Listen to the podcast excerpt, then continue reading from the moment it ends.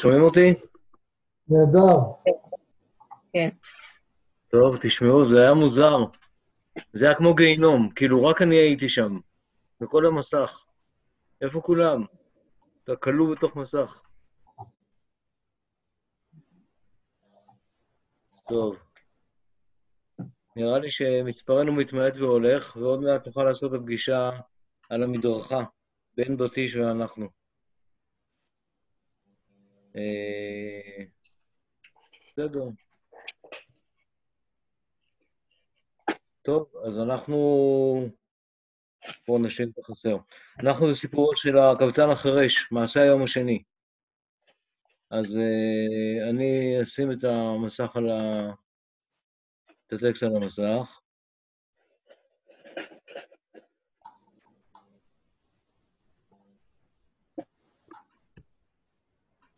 והנה לנו. אה, בואו נתחיל לקרוא, נקרא פסקה ונעצור וקצת נעיין. אני רק רוצה להגיד ששווה לנו, כדאי לנו מאוד להשתדל לחפש אה, מקבילות בין העולם שרבי נחמן מצייר לבין העולם שלנו, אם נמצא כאלה. מכיוון שעל פניו זה נראה כמו עולם אה, בדיוני, פנטסטי לגמרי, אבל ברור שהוא מדבר עם העולם שלנו, לזה, ואולי זה באמת עושה את זה. אז בואו נקרא את זה, זה כאילו צריך בשביל זה, אתם מבינים, שני דברים. גם לקלוט את השפה שלו, המסתורית והמוזרה כמו שהיא, וגם לעשות לזה עוד מהלך שמתאם את זה עם דברים מוכרים. כאילו לגשר, לקלוט לך את הפנטסטי, ואז לבנות גשר בין הריאליסטי לפנטסטי. בואו נראה. ביום השני של שבעת חזרו וזכו הזוג הזה את הבטלר השני, היינו אחרי שהחיה אותם ונתן להם לחם. והיו בוכים ומתגעגעים, איך לוקחים לכאן את אותו הבטלר אחרי שהחיה אותנו כנ"ל? בתוך שהיו מתגעגעים אחריו, הנה הוא בא, ואמר הנני, ונפל עליהם ונשק אותם. ואמר להם, מתי אני נותן לכם במתנה שתהיו כמוני, שתחיו חיים טובים כמוני. כי בתחילה בירכתי אתכם בזה. ועתה אני נותן לכם חיים טובים שלי במתנה. יפה. אז אה, קודם כל, אז ההתחלה ברורה לנו. אותה התחלה שהייתה פעם ראשונה ושתהיה תמיד.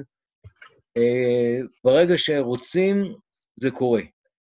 אה, מה שאצלנו קורה בנפש, פה, כיוון שזה סיפור פנטסטי, זה קורה פיזית.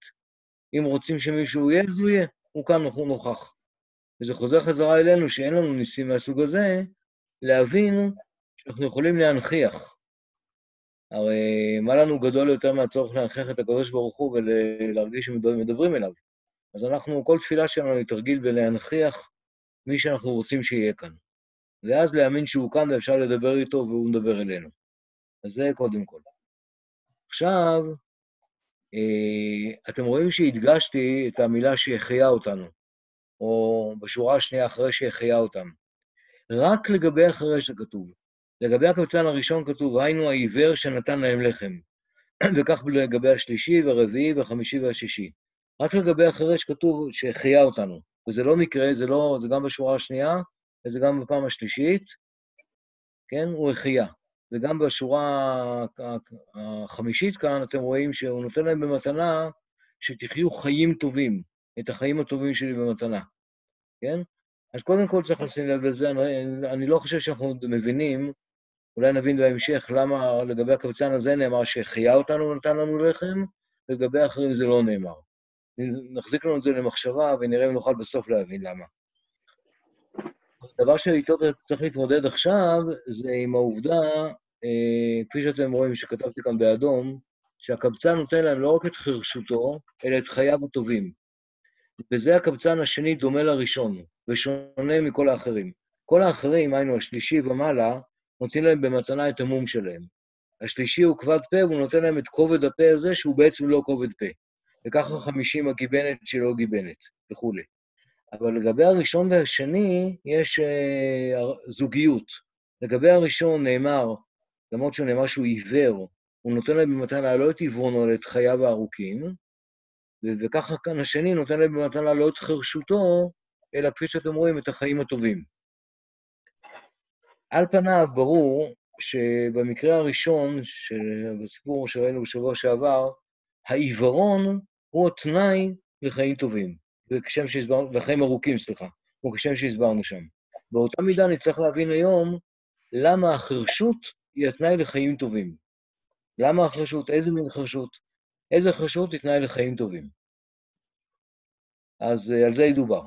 אבל רק תסתכלו שאם במקרה הראשון, בקבצן הראשון דיבר על uh, ממדים, על מרחב, אורך של חיים, הרי הקבצן הזה מדבר על איכות, על טוב של חיים, טיבם וטובם של החיים, שאלה uh, מושגים מתחום האיכות ולא מתחום הכמות.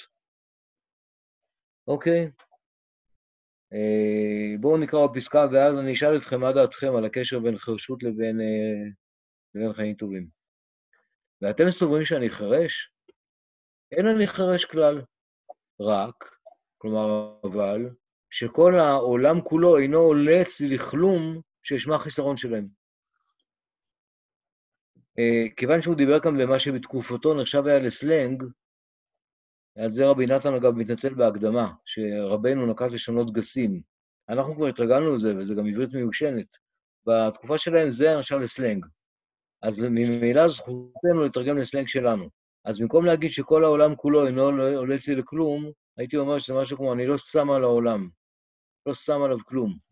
כל העולם כולו אינו עולה אצלי לכלום, לא חשוב לי. ובגלל שאני לא שם על העולם, אני בכלל לא מקשיב לחיסרון שלהם. זה מה שכתוב פה. אני לא חירש פיזית, אבל אני, זה לא מעניין אותי, כל הקשקושים האלה, כל הברבורים האלה. העולם לא חשוב בעיניי. עכשיו, ממשיך הקבצן ואומר, אה, הקבצן כאן קשר את הקולות וחסרונות. אפשר הרי להגיד לו, לא כל, לא, לא כל קול, not any voice, כן? קול בכף, קול בקוף, הוא קשור בחיסרון, יש קולות אחרים. אבל רבי נחמן מתעקש שכל הקולות, הנה הוא מסביר, כי כל הקולות, כולם הם מין חסרונות, כלומר מהחסרונות, תוצאה של חיסרון. למה? למה זה נכון? קודם כל, כי כל אחד ואחד צועק על חסרונו. דורש וצועק מה שחסר לו. ואפילו כל השמחות שבעולם, היינו קולות השמחה, כולם הם רק מחמת החיסרון, ששמח על החיסרון שחסר לו ונתמלא. אומר רבי נחמן באיזו פילוסופיה פסימית, שגם כששמחים, על מה שמחים? על, מה, על זה שקודם היה חסר, על מה שמחים בחתונה, שהרי מדובר פה בחתונה, נכון? שמחים על זה שקודם הם היו חצאים, הם לא היו אדם שלם, ועכשיו הם השלימו את חסרונם. אה, כל שמחה מקבלת את האחידות שלה מהחיסרון שברקע. שמחת מילוי החסר. זה מה שאומר רבי נחמן. ומזה נובע שגם קולות של צעקה ודרישה הם קולות של חיסרון, וגם קולות של שמחה של חיסרון.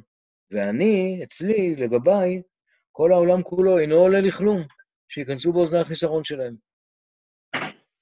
וסוף סוף הגיע הזמן להבין למה, למה כל העולם, למה הוא לא שם על כל העולם, מאיפה זה נובע, מהיכולת הזו?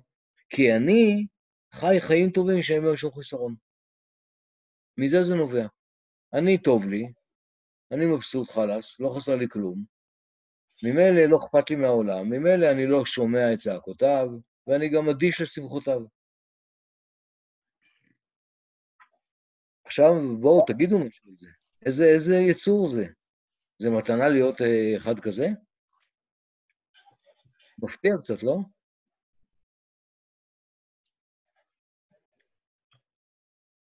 אם ננסח את מה שאמרתי בצורה של שאלה, שבצורה יותר מלוטשת, כל, כך אומר הקבצן, הוא תוצאה של חיסרון. כל זה גם תקשורת, נכון? החיסרון מוליד צורך בתקשורת. אני שואל אתכם, האם זה רע?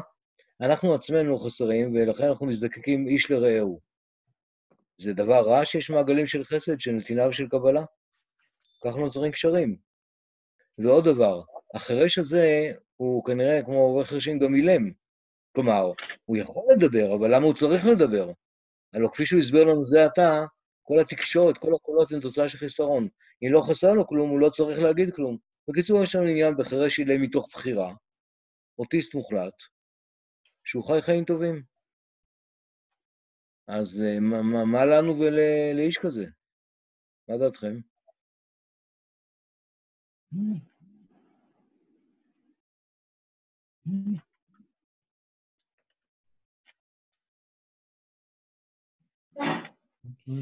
אולי זה עצם היכולת של הבחירה, כי זה נראה שהוא בוחר. אז אולי עצם היכולת של הבחירה הזאתי שלבחור, שאני יכול לבחור ששום דבר לא מעניין אותי. זה לא שמשהו נכפה עליי, אלא זו הבחירה שלי. אבל מה דעתך את על בן אדם שיחיה באיזשהו מקום, והוא יחליט ששום דבר לא מעניין אותו? הצרות שסביבו לא מעניינות אותו, השמחות לא מעניינות אותו. זה טיפוס שאוקיי, בסדר, אני לא אכריח אותו, אבל לא הייתי רוצה להתברך ולהיות כמוהו. אה, לא, כנראה שלא. טיפוס א-סוציאלי, מה שנקרא. ואיפה הוא אומר את כל זה? בחתונה שהוא מגיע אליה. אז למה הוא מגיע לחתונה? אה, הנה, מתחילים להתגלות סדקים בדימוי השלילי שתיארתי לו. למה הוא מגיע לחתונה והוא מנשק אותם? ובואו נלך הלאה, למה הוא, למה הוא ביער עזר להם בכלל? הופה, זה לא מדויק. אז ככה בואו ננסה להבין מה הולך פה. הוא לא ממש עזר להם, הוא נתן להם לחם. לא הבנתי? הוא לא ממש עזר להם, הוא לא לקח אותם איתו, הוא גם ברח להם, הוא נתן להם לחם. כלומר, הוא אומר אותם להסתפק במועט. זה החיים, הוא, איזשהו מין סגפן, מסתפק במועט, זה לא שהוא לא שומע את העולם, שזה לא עושה עליו רושם החסרונות. כלומר, הוא, הוא שומע. עובדה שהוא אומר שיש צועקים וצועקים על מה שחסר להם ושמחים על מה שהתמלא חסרונם, כלומר, הוא מודע, הוא לא אוטיסט לגמרי. הוא מודע, הוא יודע שיש חסרונות בעולם, הוא יודע שרוב הצעקות והקולות הם החסרונות, לא נכנס אצלו באוזן, כלומר, זה לא משפיע על uh, זה שהוא יהיה מצטער על הדבר הזה, כי הוא אומר, הם מצטערים על שטות. חיים, אתה קצת לא ברור, אתה... משהו במיקרופון שלך לא עובד טוב. לא להיות. לא, אל תחזור, כי שמעתי את הרוב, אבל אני אומר להמשך. משהו שם לא ממש טוב, בסדר? כן. אה, אוקיי, אז אומר אה, חיים, אם אני מבין נכון, תגיד אם אני אומר מה שאמרת, ש... אוקיי, אז הנה, מוכח שהוא עוזר, אבל הוא עושה את זה, כמו שאומרים, לא ממקום של... אנחנו מאוד מקובל עלינו, התפיסה שאתה אמפתי ואתה מזדהה ונכנס רגשית לנעליו של זה שאתה עוזר לו, נכון? ואתה איתו באותו מקום, ויש הרבה דברים יפים על זה, אמו אנוכי בצרה, והרבה הרבה הרבה סיפורים יפים על זה גם בחז"ל וגם בחסידות, וגם ברור לנו, וככה מכשירים מטפלים, אתה אה, באמפתיה אליו. האיש הזה הוא עושה, אם ניקח את העובדות שהוא עזר ותרם מול מה שהוא אומר על עצמו, יצא מין דבר, שאם הבנתי נכון, חיים, זה מה שאתה אומר, הוא עוזר, אבל הוא לא נותן לחיסרון של האנשים לחלחל אליו פנימה. הוא מבין שהם זקוקים למשהו, והוא באמת נותן להם מה שהם צריכים, כן? הוא, אי אפשר להגיד שהוא לא נותן, הוא נותן. אבל הוא עושה את זה באיזה אופן לא מתוך הזדהות רגשית. Uh, הוא לא נותן, כלומר, uh, הוא, הוא נותן להם לחם, אבל הוא לא נותן לבכי שלהם לחלחל אליו פנימה. כלומר, לתודעה שהעולם הוא אוי ואבוי ורב אמר, את זה הוא לא מקבל. הוא ממשיך להיות משוכנע שהכל טוב. ומתוך המקום הזה, זה לא שהוא לא מוכן, הוא מוכן לעזור. אבל אתה, אתה לא תקבל את הלב שלו. כלומר, הוא, הוא, הוא כנראה רוצה גם לחנך אותם שאפשר להסתפק מותרות. תהיו חיים טובים כמוני, שאני מסתפק במועט. אני לא אחפש את הגלידה. את הלחם ואת המים שלי, אני לא... כל מי שצועק, צועק על דברים מיותרים כאילו. אז מה שחיים, מה שאתה אומר, לכאורה מוכח, מוכח בגלל העובדה, בגלל השורה הזו. כשאני מדגיש שאתם רואים, זה מודגש גם לכם? כן. כן, אז השורה הזו, שבאמת שאלתי על זה שם, למה חשוב להדגיש כבר עכשיו שחייו הטובים זה אכילת לחם ומים? הרי הוא דתית לדבר ולדרוש ולנאום על החיים הטובים שלו. מעניין שכבר עכשיו, עוד לפני שהוא מפרט, הוא מסביר שזה זה. זה לדעתי הולך לאן שחיים אומר, דהיינו, להגיד חיים טובים זה לא טוב מבחינת כמות הלוקסוס והמצרכים שהוא יצרוך, אדרבה, יהיה לו את ה basic, ובכל זאת זה יהיה טוב. זאת אומרת, יש כאן איזה מין משהו שרומז בכיוון שאמרת. אוקיי, בסדר, אבל בכל זאת, גם אחרי שאמרנו את זה, אני חושב שלא שווה לטשטש את הפינות החדות. כלומר, האיש הזה, אולי גם העיוור, דיברנו על זה שכל האנשים הללו ביער הם אנשים שהם, לא יודע אם אנשים, הם יצורים, שגם עוזרים, אי אפשר להגיד שהם לא עזרו, אבל עוזרים מתוך איזה מין מקום, לא מהמקום שהיינו מצפים. היינו בהחלט מתלוננים בפני רשויות הסעד על אדם בוגר שמצא ילדים בני ארבע בוכים ביער ועזב אותם. מה אתה עוזב אותם? הקבצנים, הקבצנים הללו, הם מגדירים לעצמם את היקף הנתינה שלהם. עכשיו, למה הם עושים את זה? אפשר להגיד, כמו שאמרת, מתוך אה, רצון לחנך, אבל זה, זאת קשיחות, כן? גם, גם אם זה נכון, זה קשוח מאוד מאוד, כן? ואפשר אולי שזה לא רצון לחנך, אני לא יודע. מה שברור שהם אה, ממש לא אה, משחקים על אותו מגרש. הם עילאיים. לאו דווקא כמובן ש... לא, נעזוב עילאים, הם, הם מאוד נפלים ונבדלים מאיתנו. הם לא מובנים לנו. זה בגלל שאנחנו מודדים... אני מרגישה שאנחנו מודדים אותם באמת בכלים שאנחנו רגילים, והם באים להגיד לנו, יש עוד כלים, לא הכלים שאנחנו מתייחסים אליהם. זאת אומרת, הם באמת, הם בוחרים בדרך חיים אחרת, שאנחנו, כמו שאמרת לי, היית מוכנה אה, להיות ככה. אה, בחיים היומיומיים שלנו, קשה לנו אה, לראות את זה, ולפעמים כשאנחנו רואים אנשים שהם אומרים שטוב לנו לבד, קשה לנו להבין את זה. אבל יש להם איזושהי אה, בחירה, ומנסים להראות שיש גם דרך אחרת שאפשר לבחור אותה. כן. ולעשות אותה, ושזה עדיין יהיה טוב, גם אם זו לא ההסתכלות שלנו. אולי הם נותנים לנו אפשרות להסתכל על עוד רובד שאנחנו לא, רובד שאנחנו לא מודעים אליו, לא מכירים אותו בכלל, ואפילו יותר מזה, קשה לנו, קשה לנו עם זה. כן. טוב, אני מסכים איתך. ההבדל קטן ביני לבינך זה שאני לא, לא מוכן אה, להחליט שהקפטן הזה כשלעצמו הוא טוב. יש לנו דמויות אדירות ועוצמתיות, וכדאי לקבל משהו ממה שיש בהם, זה עניין אחד, ולהיות בדיוק כזה, אני לא משוכנע, לא בטוח במאה אחוז. בסדר. לא, אבל, אבל יכול להיות שאולי בגלל שזה כל כך קיצוני, אז בסוף, אמנם זה מה שהם מברכים וזה מה שהם מאחלים, אבל אולי מבחינת, מבחינת כאילו מה זה אומר לי, לא, לא ללכת לקיצוניות הזאת, אבל אה, לדעת שלהסתכל, כאילו סוג אחר כן. של הסתכלות בחיים. כן, כן. נכון לו לעשות איתו עבודה. לאו דווקא לאמץ אותו כמו שהוא, אבל לעבוד איתו. אה, אה, אה, למשל, פשוט בשביל לראות כמה דמויות של רבי נחמן בונה מגוונות בשאלה הזאת, למשל, מעשה מאבדת בת מלך, שאנחנו פחות או יותר מכירים, נכון? מתחיל בזה שהמשנה למלך ראה את צערו הנורא של המלך, של זה שביתו נעלמה, והוא מקדיש מכאן והלאה את כל חייו לתקן את החיסרון הזה. אז הוא הקשיב טוב, הוא הקשיב וזה הניע את החיים שלו. לעומת זאת, מכירים את המעשה מביטחון? האיש הנחמד הזה שאכל ושתה ושמח כל יום והמלך רצה לקלקל לו? אז לא, לא נוכל לספר את זה. מי שמכיר את מעשה מביטחון, יראה, אני חושב שהאיש הזה, גיבור המעשה, הוא קצת דומה לאיש כאן. הוא איש, אה, הוא דואג לעצמו. לא כי הוא לא יודע מה, הוא, בסדר, יש לו עניין עם עצמו. לא כתוב שיש לו אישה וילדים, לא כתוב שהוא חלק מקהילה, לא שייך לקבוצת וואטסאפ, הוא אוכל ושותה וטוב לו עם עצמו. וזה מעניין, הוא עדיין נתפס כדמות, אה, דמות, אה, לא יודע, מושכת מאוד מאוד. בסדר, אז הנה, זה, זה העניין השני.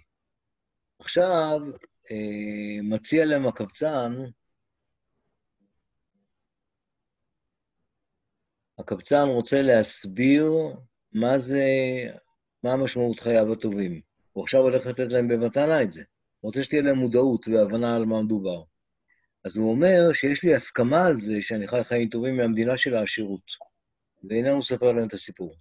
כי יש מדינה שיש בה עשירות גדול, שיש להם אוצרות גדולים. פעם אחת נתקבצו, והתחיל כל אחד להתפאר עם חיים טובים שלו. איך שהוא חי, איך הוא חי חיים טובים. וכן סיפר כל אחד ואחד מסדר החיים הטובים שלו.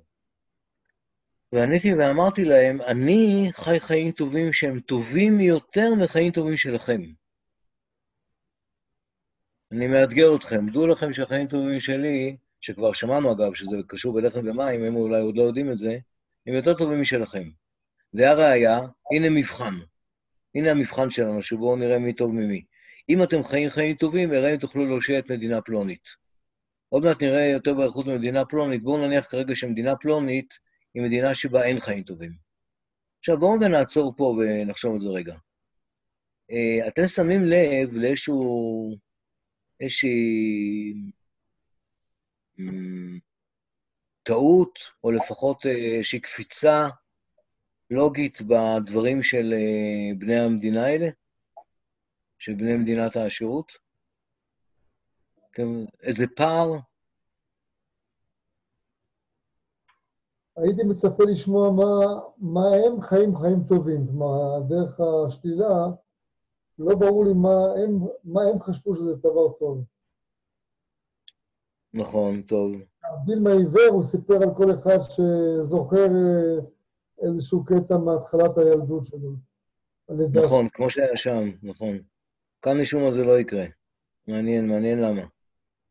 כמו שקרה, מה שקרה עם העיוור קורה גם אה, כמעט בכל מקום אחר, גם בשלישי, ברביעי, בחמישי. מעניין שכאן לא, אתה צודק, זאת שאלה טובה, לא יודע. טוב, אבל בואו, מה עוד? תראו, אה, האנשים האלה טוענים שיש להם חיים טובים. מה שהמספר אומר לנו, זה שזו מדינה של עשירות. משמע, האנשים הללו סבורים שעשירות שווה טוב. עושר בעין זה טוב. Uh, הקבצן הזה כנראה לא חושב כך, כי כבר נאמר עליו שהוא אוכל לחם ומים, כלומר, עשיר הוא לא. והוא מתרגם לחם ומים לטוב. זאת שאלה למה, אבל יש הבדל גדול מאוד בתפיסות שלהם בקשר לעושר. הם חושבים שעושר, אוצרות, זה חיים טובים. עכשיו, אתם רואים איך הוא מאתגר אותם? אם אתם חיים טובים, חיים חיים טובים, אתם יכולים להושיע את uh, מדינה ענייה. תעבירו את זה למושגים של היום. במקום מדינה פלונית, בואו נגיד העולם השלישי. מי היום טוען שיכול להשאיר את העולם השלישי? ביל גייטס, נכון? או הברית, נכון? אולי בהרחבה העולם המערבי כולו, אבל בפרט ובעיקר הברית, לפחות זאת שלפני הקורונה. דהיינו, עכשיו שם האמונה בשפע אה, נכון, תקנו אותי אם אני טועה, אולי אתם יודעים יותר, אבל האמונה בשפע ובעושר, שהוא-הוא הדבר, שהוא גם הראייה שאלוהים איתנו, והוא המסר של אמריקה לעולם, היא דבר בסיסי, נכון? הרי על הדולר כתוב In God we trust, וזאת מדינה באמת עם שפע משאבים עצום, אה, והבשורה שלה זה American Way of Life, מה שנקרא, דרך החיים האמריקאית, היא דרך חיים של אה, באמת לעבוד קשה, אבל אה, ליהנות, ליהנות מהחיים, ולייצר, ולצרוך, ולייצר, ולצרוך, ולייצר, ולצרוך. ויש הרי מאבק שהתחיל עוד כשנולדנו, פחות או יותר, נכון? בין העולם הזה לבין העולם הסוציאליסטי, העולם הקומוניסטי, נכון? על מה דרך החיים הנכונה שהם מכתיבים למדינות שהן לא פה ולא פה. האם וייטנאם, האם קוריאה, האם ישראל תהיה במחנה המערבי של השפע וייצור מוצרי הצריכה, או במחנה ההוא. אז זה ממש נראה, לי זה נראה ממש שעל זה מדובר. אה, העושר הוא הדבר הטוב, כלומר, הוא הדבר הערכי, אבל הוא הדבר הכי מרגיז, אם אתם קצת מכירים את זה, בתפיסת העולם הזו, הוא שעושר נתפס כדבר ערכי, ולכן הלוזר הוא קצת חוטא כנראה. כי אם הוא לא היה קצת לא בסדר, עצלן, רשלן, בטלן, אז הוא לא היה, היה לו יותר כסף. אם אין לך כסף, זה לא רק שאין לך כסף, זה שאתה קצת פגום. ולהפך לגבי העשיר. זה הרי הלוז של תפיסת החיים הזו. אה, שבגללה הרב ציודה קרא להם עם הריקה, כנראה. אוקיי, אז אה, בואו נראה איך זה עומד במבחן של המשך הסיפור. ואז מגיע סיפור הקלקול. אה, אז שוב, אה, הרצף הוא, כן, הוא אומר להם, בואו, אני מתחרה בכם, והמבחן יהיה מי מאיתנו יכול להושיע את המדינה הפלונית. את העולם השלישי נקרא לה. מה קרה למדינה הזו? היות שיש מדינה, שהיה, יש מדינה, שהיה להם גן, והיה באותו הגן פירות, שהיה להם, לפירות האלה, כל מיני טעמים שבעולם. גם היה שם כל מיני ריחות שבעולם. גם היו שם, אופ, סליחה, תסלחו לי רק שנייה, בבקשה.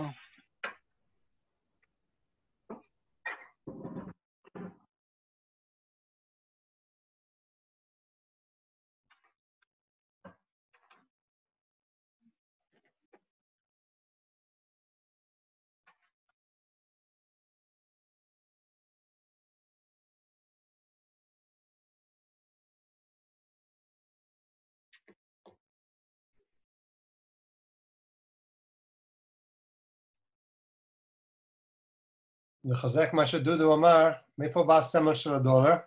כתבי U ו-S, United States, עושים אחד על השני, דולר זה הברית, זה היינו הך. עוד פעם, למה? כי, אה, שם U. תכתוב U גדול, ו-S על זה, זה סמל של הדולר. אה, זה S, נכון. כן. יפה. אה, יפה, אז נחזור לגן. היות שהיה שם מדינה שהיה להם גן, והיה באותו הגן פירות, שהיו להם כל מיני טעמים שבעולם. גם היה שם כל מיני ריחות שבעולם. גם היו שם כל מיני מראי, כל הגוונים, כל ה... קווי, לא מבין את המילה הזו, כל הפרחים שבעולם, הכל היה שם באותו הגן. היה שם גן נהדר שיש בו הרבה הרבה טעמים, טעם וריח וצבע, מראה צבע, נכון? והיה לגן גנני אחד, גנן, והיו בני אותה מדינה חיים חיים טובים על ידי אותו הגן. ונאבד שם הגנני. הגנה, יום, יום בהיר אחד הגנה נעלם. וכל מה שהיה שם באותו הגן בוודאי מוכרח להיות קלה ונפסד, לאחר שאין שם ממונה, דהיינו הגנן. אבל אף על פי כן, היו יכולים לחיות עם הספיחים שבגן. זה גן, זה, זה מטע, זה עצים, יש עצים ויש גם ספיחים לגידולים. עד כאן הסיפור הראשון של תחילת הקלקול. לפני ש... כבר אני רוצה לשאול איזה מין שאלונת. מעניין מה אתם חושבים. כתוב, הכל התחיל בגן. לא ברור מי נטע את הגן, איכשהו עושה רושם שלא בדיוק הם. מדובר שהיה גנני אחד, שהיה ממונה. מי מינה אותו? אולי בני המדינה? אז אם כך, למה, כשהגנ... למה כשהגנן הלך לאיבוד, אי אפשר למצוא גנן אחר? למה הם לא יכולים בעצמם לגנן או למצוא גנן אחר? מה חוסר האונים הזה? יש כאן איזה מין תהליך אה, חסר שהם מאוד פטליסטים. הם... היה גן, כנראה לא אנחנו עשינו, היה גנן, לא אנחנו מינינו. הגנן הלך לאיבוד, אין פה משנה למלך שילך לחפש אותו כמו את בת המלכה שעבדה, והגן יהיה מוכרח להיות קלה. עם זאת, אנחנו, לא, זה לא ישבור אותנו כי נחיה מספיחיו. מה אתם אומרים? למה שלא אה, יאבדו אותה גם בשיטות מתקדמות של חקלאות? אם ניכנס לעולם הפנימי של האנשים האלה, מה צריך להיות העולם הפנימי של חברה שבה אם חל קלקול מסוג כזה, ברור שאין מי שיתקן, ומה שהחברה עושה זה שהיא בוחרת לחיות עם הפחות. חייבים להלביש את זה במילים. למה זה דומה? איזה סוג בן אדם או איזה, איזה חברה בעולם זה מזכיר לכם?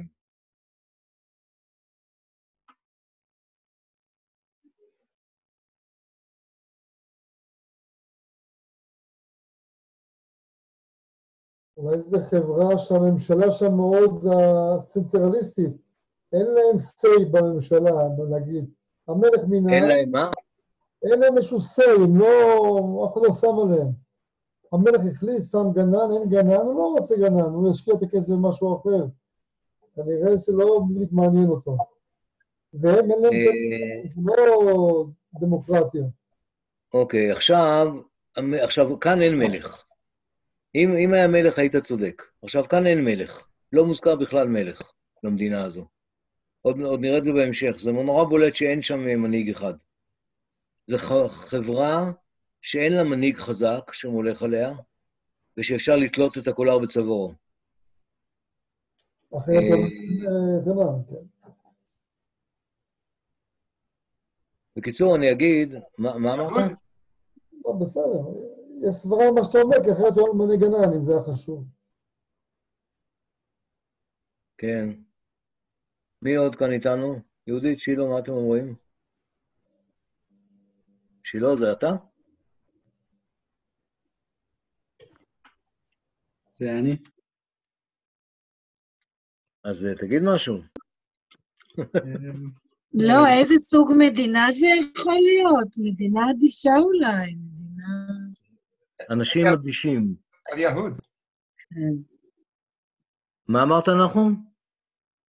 היהודים, היהודים. היהודים? מה אתה אומר? להפך, היהודים להפך. לא היהודים ובטח לא הישראלים. נכון? הרי הם יפשילו שרוולים ואופס, יפתחו לך חקלאות יוצאת דופן וכן הלאה וכן הלאה. זה הפוך של הסיפור הישראלי. אני חושב, יעקב, שזה גם לא דרום קוריאנים, נכון? אני חושב, נחום, שזה גם לא אמריקאים, נכון? מדובר במנטליות של עולם שלישי. מדובר, נגיד, באנשים באיי האוקיינוס השקט, מדובר בילידים שאמריקאים גילו כשהם הגיעו לשם.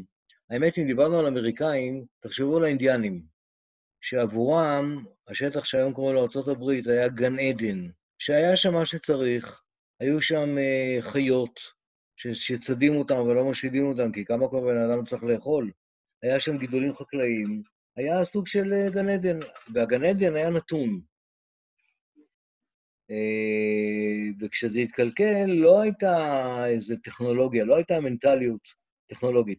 ישנו סיפור זן מפורסם שבו, אה, זה מביא אותנו לסין, אבל, ולא לסינים של היום בוודאי, אבל הסיפור הזה בכל אופן מספר על, על עיקר שראה מכונת השקיה, מהסוג הכי פרימיטיבי שיש. שני דליים שדלי אחד נכנס לבאר מים, הוא מתמלא, ואז הדלי השני עולה למעלה, ואז אפשר לחליפות לעלות ולהוריד את, ה...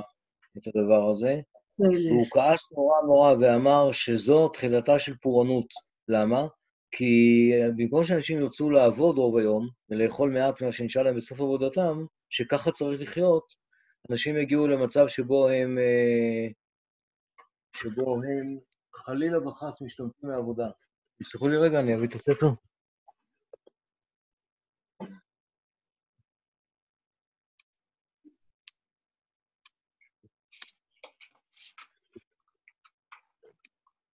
אנשים יגיעו למצב שבו הם משתמטים מעבודה והם uh, פשוט עושים, uh, עושים דרכים, uh, הנה, מנוף השאיבה.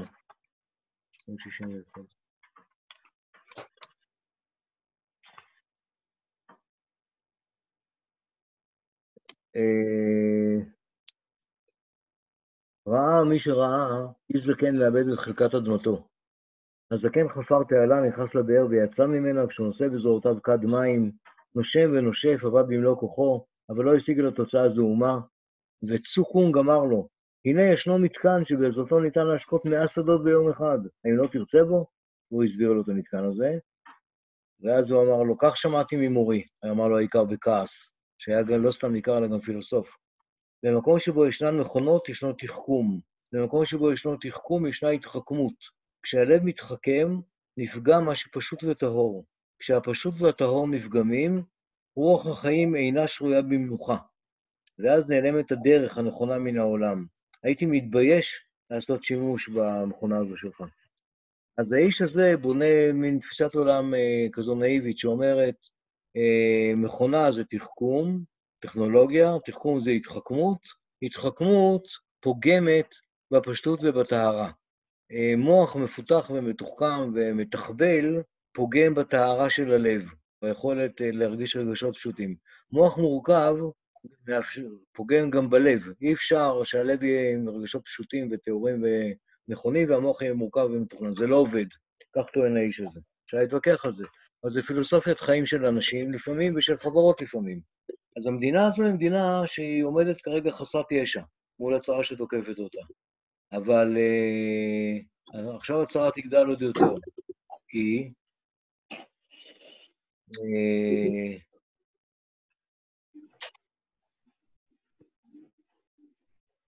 כי כרגע, כן, לפני שנראה איזה עוד קלקול, אני לרגע רציתי להשוות בין אה, שתי המדינות, לא רק מבחינת מנטליות, אלא מבחינת הטוב שיש בהן.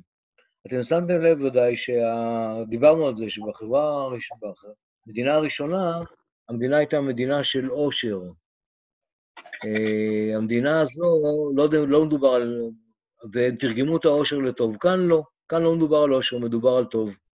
הבדל אחר הוא שעשה רושם שמה שיש למדינה הקודמת אלה נכסים נצברים ומלאכותיים, דובר על אוצרות, דובר על כסף בבנקים, על נפח אשראי, על uh, העושר כבר נצבר, כבר עבר כמה וכמה תהליכים של זיקוק מהנת... מהמוצרים הנטורליים, כן, מהנפט, מהחיטה, מהתירס, מתפוחי אדמה, מהבשר, מהחלב, הוא כבר נצבר בצורת עושר במחסנים ובבנקים. המדינה הזו היא נטורלית, רוצה לומר טבעית. היא יונקת מהטבע. מדובר על גן עם פירות נורא נורא טעימים, טעימים, ריחניים וצבעוניים. על זה מדובר. אז הטוב הוא גם טוב אה, שקולט כמה וכמה חושים, זה לא למלות את הבטן, זה ליהנות מהצבע ומהריח, ומדובר בדברים טבעיים. ועוד עושה רושם, שלמרות שאני לא יכול להוכיח את זה, שהמדינה הזו בוודאי קיבלה דברים.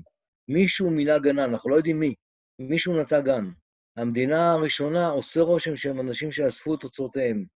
וגם זה מזכיר עוד פעם, אה, עוד פעם, אמריקאים, שגאים בזה שהם צברו את עושרם בעצמם, גם כפרטים וגם כמדינה. ומאוד אה, עולה על הדעת העימות בין האמריקאים ובין האינדיאנים, תושבי אותו מקום, וגם בין האוסטרלים והילידים של אוסטרליה, וכולי וכולי. עכשיו מגיע המלך האכזר, ובא להם מלך אכזר לאותה מדינה, ולא היה יכול לעשות להם דבר, והלך וקלקל את החיים הטובים של המדינה שהיה להם מן הגן. המלך האכזר בא למדינה, והוא לא יכול לעשות לה שום דבר. למה? אני חושב בגלל שאין מה לעשות לה. בעיקרון, אין נכסים שאפשר לקחת, אין ערים שאפשר להרוס, כי הם אולי לא גדלים בערים, הם אה, ציידים לקטים כאלה, הם חיים בבקתות ואוכלים פירות.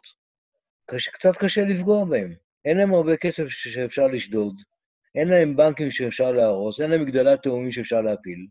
הם אנשים פשוטים, אוכלים פירות, חיים בין העצים. מה אפשר כן לעשות להם? אהה, זה מה שאפשר לעשות להם. הלך וקלקל את החיים הטובים שהיה להם מהגן. באיזה אופן? ושוב, לא שקלקל את הגן, הוא לא כרת את עצי הגן, הוא עשה משהו יותר מתוחכם. השאיר שם באותה מדינה שלוש כיתות עבדים, וציווה עליהם שיעשו מה שפקד עליהם, ועל ידי זה קלקלו, יעשו איקס, ולענן ייאמר מה, משהו, שבגלל זה הם הצליחו לקלקל את הטעם, שעל ידי מה שעשו שם, כל מי שירצה לטעום איזה טעם, יהיה טעם נבלה. כלומר, הם פגעו, טוב, וכן קלקלו את הריח, שכל הריחות יהיה להם ריח חלבנה, נכון? מה שמוזכר בקטורת של ריחו רע. וכן קלקלו את המראה, את הצבע, שהחשיכו את העיניים כאילו יש עננים ועבים. היכולת של העבדים הללו הייתה לקלקל את החושים. לא צריך לקלקל את האובייקטים שמהם נהנים, אלא מקלקלים את היכולת של הסובייקט שלנו ליהנות מהם, את חוש הטעם, הריח והמראה. הקלקול הוא עוד פעם לא בחומר, אלא ביכולות, ביכולות לצרוך אותו, ליהנות אותו, אה, ליהנות ממנו. להספיג אותו אל תוכנו. אה, ועתה, אם אתם חיים חיים טובים, אומר העיוור לבני, אומר החרש לאמריקאים, בואו נקרא להם, אראה אם תוכלו להושיע אותם. בואו נראה אם אתם יכולים להושיע. ואם לא תושיעו אותם, יוכלו הקלקולים הנ"ל של אותה מדינה להזיק גם לכם. הופה, אז כאן הוא כבר מבהיר להם שהמצב הוא כבר uh, מצב מסוכן. אנחנו, אפרופו קורונה, אנחנו בסכנה. נגיף הקלקול של התא מרח והמראה, זו דרכו להתפשט. ואם אתם לא תתקנו אותם, זה יקלקל אתכם. כלומר, אין לכם ברירה. אתם באותה סירה, שתי המדינות. מדינת העולם הראשון ומדינת העולם השלישי באותה סירה, ומה שקרה שם, בעולם השלישי גם יקרה כאן, אלא אם כן תבלמו את זה. אז עכשיו אני באמת רוצה רגע לשאול אתכם, דיברנו על איזה תחום היה הקלקול ולמה הוא יזיק, אבל מה דעתכם? איפה, איפה בחיים קיים המצב הזה? מה, מה יכול להפריע לנו אה, ליהנות? איזה מקבילה אתם מוצאים בחיים שאנחנו חיים אותם למשהו מקלקל טעם, או מקלקל ריח, או מקלקל מראה? אולי באופן אה, מטאפורי מעט, כן. חוץ מקורונה. חוץ מקורונה. אה, אבל למה קורונה לא עושה את זה? קורונה מבטלת טעם וריח, אולי לא מראה, אבל טעם וריח ממש. אה, כן? במובהק, במובהק. אוקיי, מה אנחנו? פרקינסונס, מחלות. Uh, כן, מחלות, קורונה, מה שאמרת. גם סמי המרפא שאשתי מקבלת בזונים אלו, מקלקל לפחות, לפחות טעם. Mm-hmm. כן, אז מחלות ורעלים שונים, שגם אנחנו צורכים, מקלקלים טעם וריח. אז עכשיו, עכשיו בואו נרחיב את זה מעט. אה, נגיד באופן יותר אה, מטאפורי, סמלי. אנחנו זוכרים הרי את האופציה של החיים הטובים, של, על ידי לחם ומים. אז קודם כל, ציפיתי שציפי ברקוביץ' תאמר זאת, אבל היא לא אומרת, אז אני אומר בשמה, שככל שהמוצרים נעשים יותר מלאכותיים ויותר מועשרים על ידי כל מיני... מה, מה? מישהו אמר משהו או לא שמעתי? אני אומר, ככל שהדברים נעשים אה, יותר מלאכותיים, אנחנו מסתגרים בעולם של טעמים מלאכותיים, אז זה לא שאנחנו לא טועמים טעם, אבל אנחנו כבר איבדנו את הטעם הטוב. אנחנו לא טועמים את המתיקות של התאנה, כי אנחנו מפגיזים את עצמנו בכפיות סוכר ובשוקולד. אז אה, אנחנו מקלקלים לעצמנו בצורה כזו. זה קודם כל, הרי כאן אה, די רואים שאנשים כאן אה, חיים בטבע שמתקלקל. עניין אחר זה אולי תאוותנות יתרה. כי מי שהוא לא מסתפק במועט והוא אוכל יותר, אתם יודעים, הרי המנגנון של צלילה הוא כזה שמי ש... מי, מי שאוכל באופן לא נכון, בביס הראשון הוא כבר חושב על הביס השני, נכון? זה מין נרדף כזה. אתה לא נהנה ממה שאתה אוכל עכשיו, כי אתה כבר חושב על, ה... על העוד, או שאינך רע ואתה אומר, אה, כל כך מעט. אז גם לא נהנית בדיעבד ממה שאכלת, כי זה נראה לך מעט. המנגנונים הם באמת, באמת אדם ש... אה, רובנו, כשאנחנו במצב הלא מתוקן, אנחנו מקלקלים לעצמנו את הנאה הטבעית והפשוטה. על זה דיברו חז"ל כשאמרו שאדם שאוכל אוכלים שאינם ראויים לגופו. כלומר, צריך אה, את המידה שהיא ראויה לגופך. אז התודעה הצרכנית והיצרנית והתודעה שלנו שהיא בפניקה, ובחיפוש מתמיד אחרי עוד ריגושים, ובפניקה ובחשש שמא לא מספיק התרגשנו, שמא לא מספיק נהנינו, אז השילוב של שני הדברים האלה, הפיתוי והאיום, ביחד הורסים לנו את הבאמצע, דהיינו ההנאה הפשוטה והטבעית. אז, אה, אז על זה, אולי, אולי על זה מדובר. בהמשך הוא יגיד, יצביע על עוד כמה דברים, אבל אה, בואו לרגע, בואו לרגע נסתכל ונקבל עוד, אה, עוד העשרה לכל זה. הם כרגע קיבלו את דבריו שהם מאותגרים על ידי המדינה והם צריכים לטפל בה, והם הולכים. הלכו עשירים על אותה מדינה, וגם אני הלכתי עמהם. וגם דרך חילוכם היו חיים גם כן, כל אחד ואחד חיים טובים שלו, כי היו להם אוצרות. כלומר, הם יצאו לדרך מצוידים לגמרי, כן? עם שקיות של במבה וביסלי, הלכו לטיול השנתי עם הרבה הרבה חטיפים בדרך ומסודרים. כשבאו סמוך למדינה, התחיל להתקלקל גם אצלם הטעם ושאר הדברים. והרגישו בעצמם שהתקלקל אצלם. זהו. אז כבר הוכח שהם לא במקום יותר נעלה. ואמרתי להם, אם אתה, שעדיין לא נכנסתם אצלם, כבר נתקלקל אצלכם הטעם, איך יהיה אם תיכנסו לשם? ומכל שכן איך תוכלו להושיע אותם?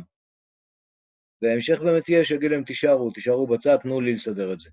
אבל כרגע הוא דואג להם, ולקחתי לחם שלי ומים שלי ונתתי להם, והרגישו בלחם ובמים שלי כל הטעמים, כל הריחות וכל המראות מן הסתם, ונתקלקל מה שנתקלקל אצלם. נתקן מה שנתקלקל אצלם. כלומר, הקבצן העיוור, האחרי סליחה, יכול לתקן קלקולים על ידי הלחם והמים שלו. טוב, נו, מי עולה לו על הזיכרון פסוק שבו לחם ומים ממרפא? זוכרים? פרשת משפטים. ועבדתם את השם אלוקיכם וברך את לחמך ואת מימיך, והסירות עם מחלה מקרבך. אז לא כתוב במפורש, אבל כבר חז"ל דרשו שם במדרש שהלחם והמים יהיו רפואה. ורבי נחמן בוודאי שיחבר את שני חלקי הפסוק זה עם זה. הלחם והמים שהקדוש ברוך הוא נותן, מסירים מחלה. עכשיו, כתוב כאן, הרגישו בלחם ובמים שלי כל הטעמים. והרי אתם בטח זוכרים איפה כל הטעמים מורגשים בדבר אחד, נכון? זה מה שחז"ל דרשו על אוכלי המן, שטעמו בו, בחורים טעמו בו לפי דרכם וזקנים לפי דרכם.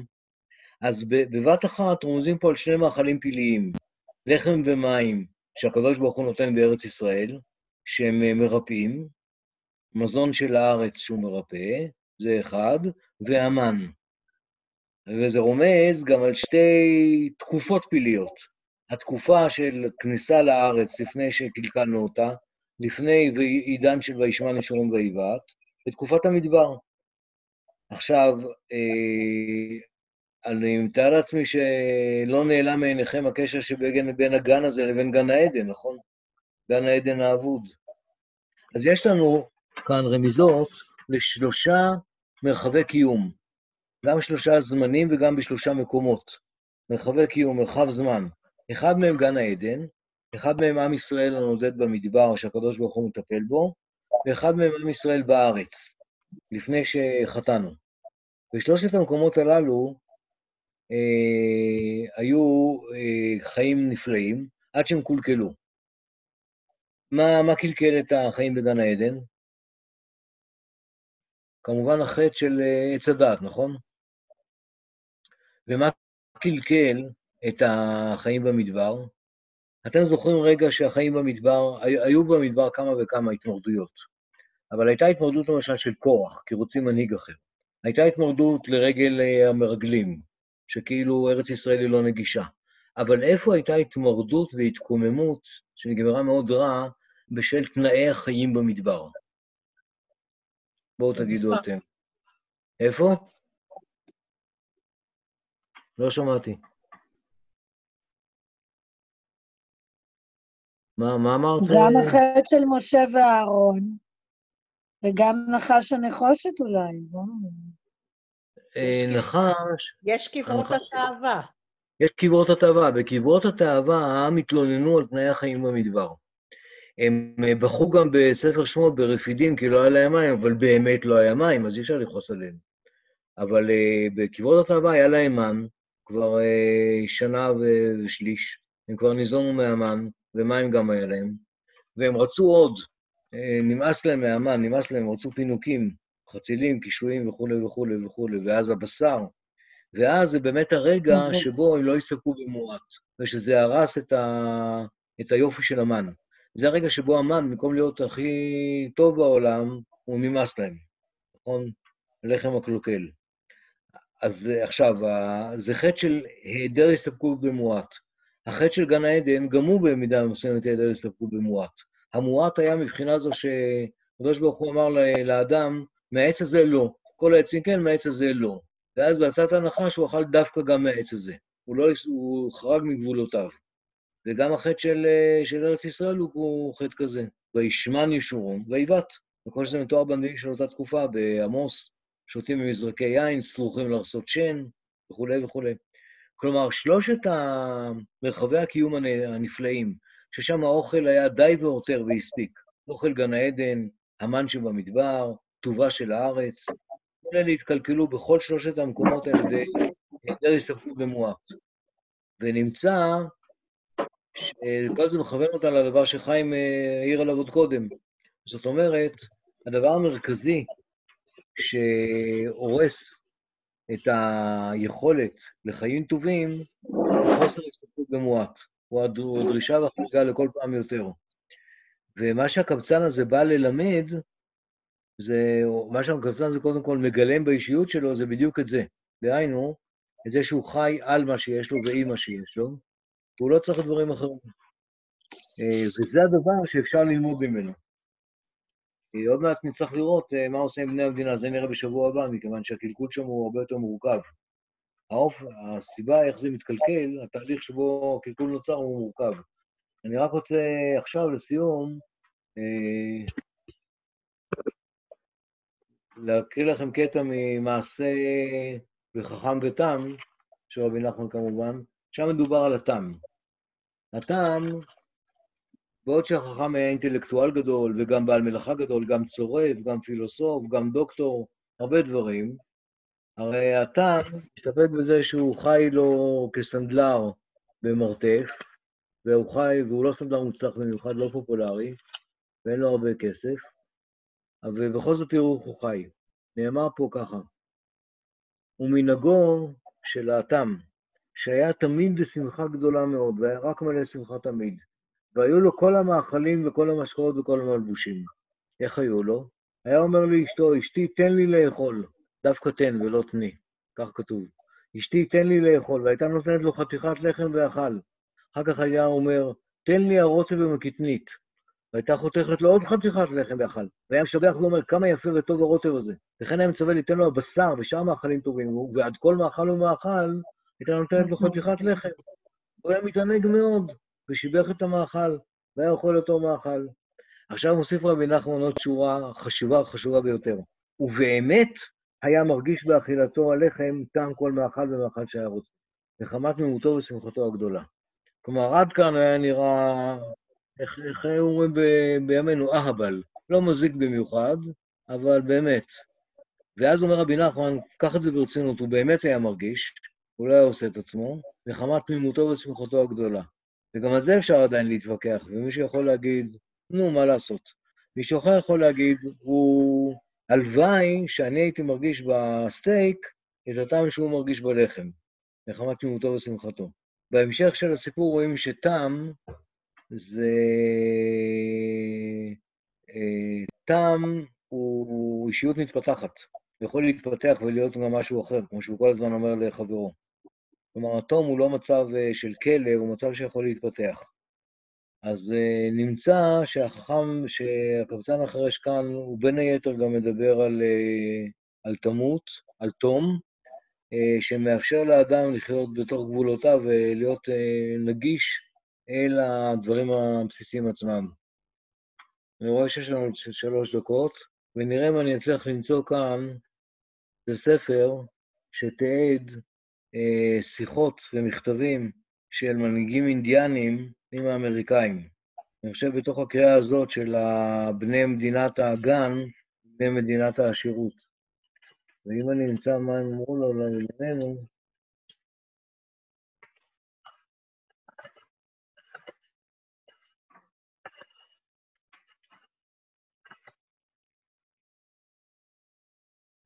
רק רגע.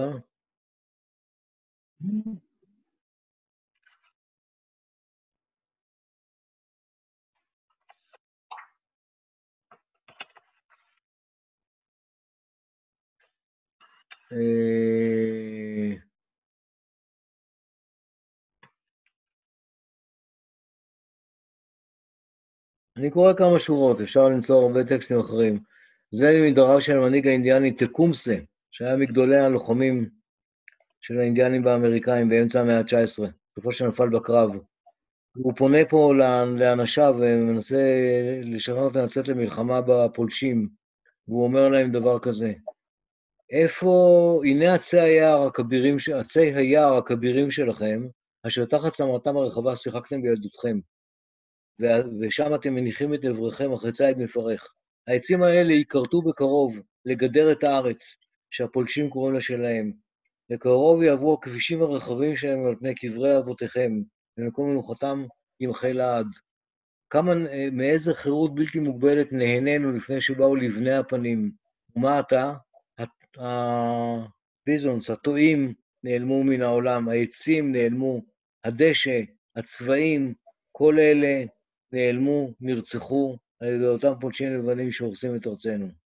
אז יש כאן דוגמה באמת לשתי חברות על אותו מרחב, האחת שחיה במרחב הזה בלי לפתח אותו, אבל פשוט לצרוך את מה שהטבע נותן, וללכת עם העליות ועם הירידות, והשנייה שעשתה הכל כדי לקחת הכל. שתמיד כשלוקחים מישהו צובר משהו, הוא צובר את זה ממישהו. אה, בסדר, בנימה חיובית זו נסיים. מותר לראות איך הקבצן החירש הוא מתוחכם, והוא יודע לנתח מהם הדרכים היותר מתוחכמות שבהם הרסו את חוש הטעם, הריח והצבע, ואיך לתקן אותם. זה בשבוע הבא. תודה רבה לכם.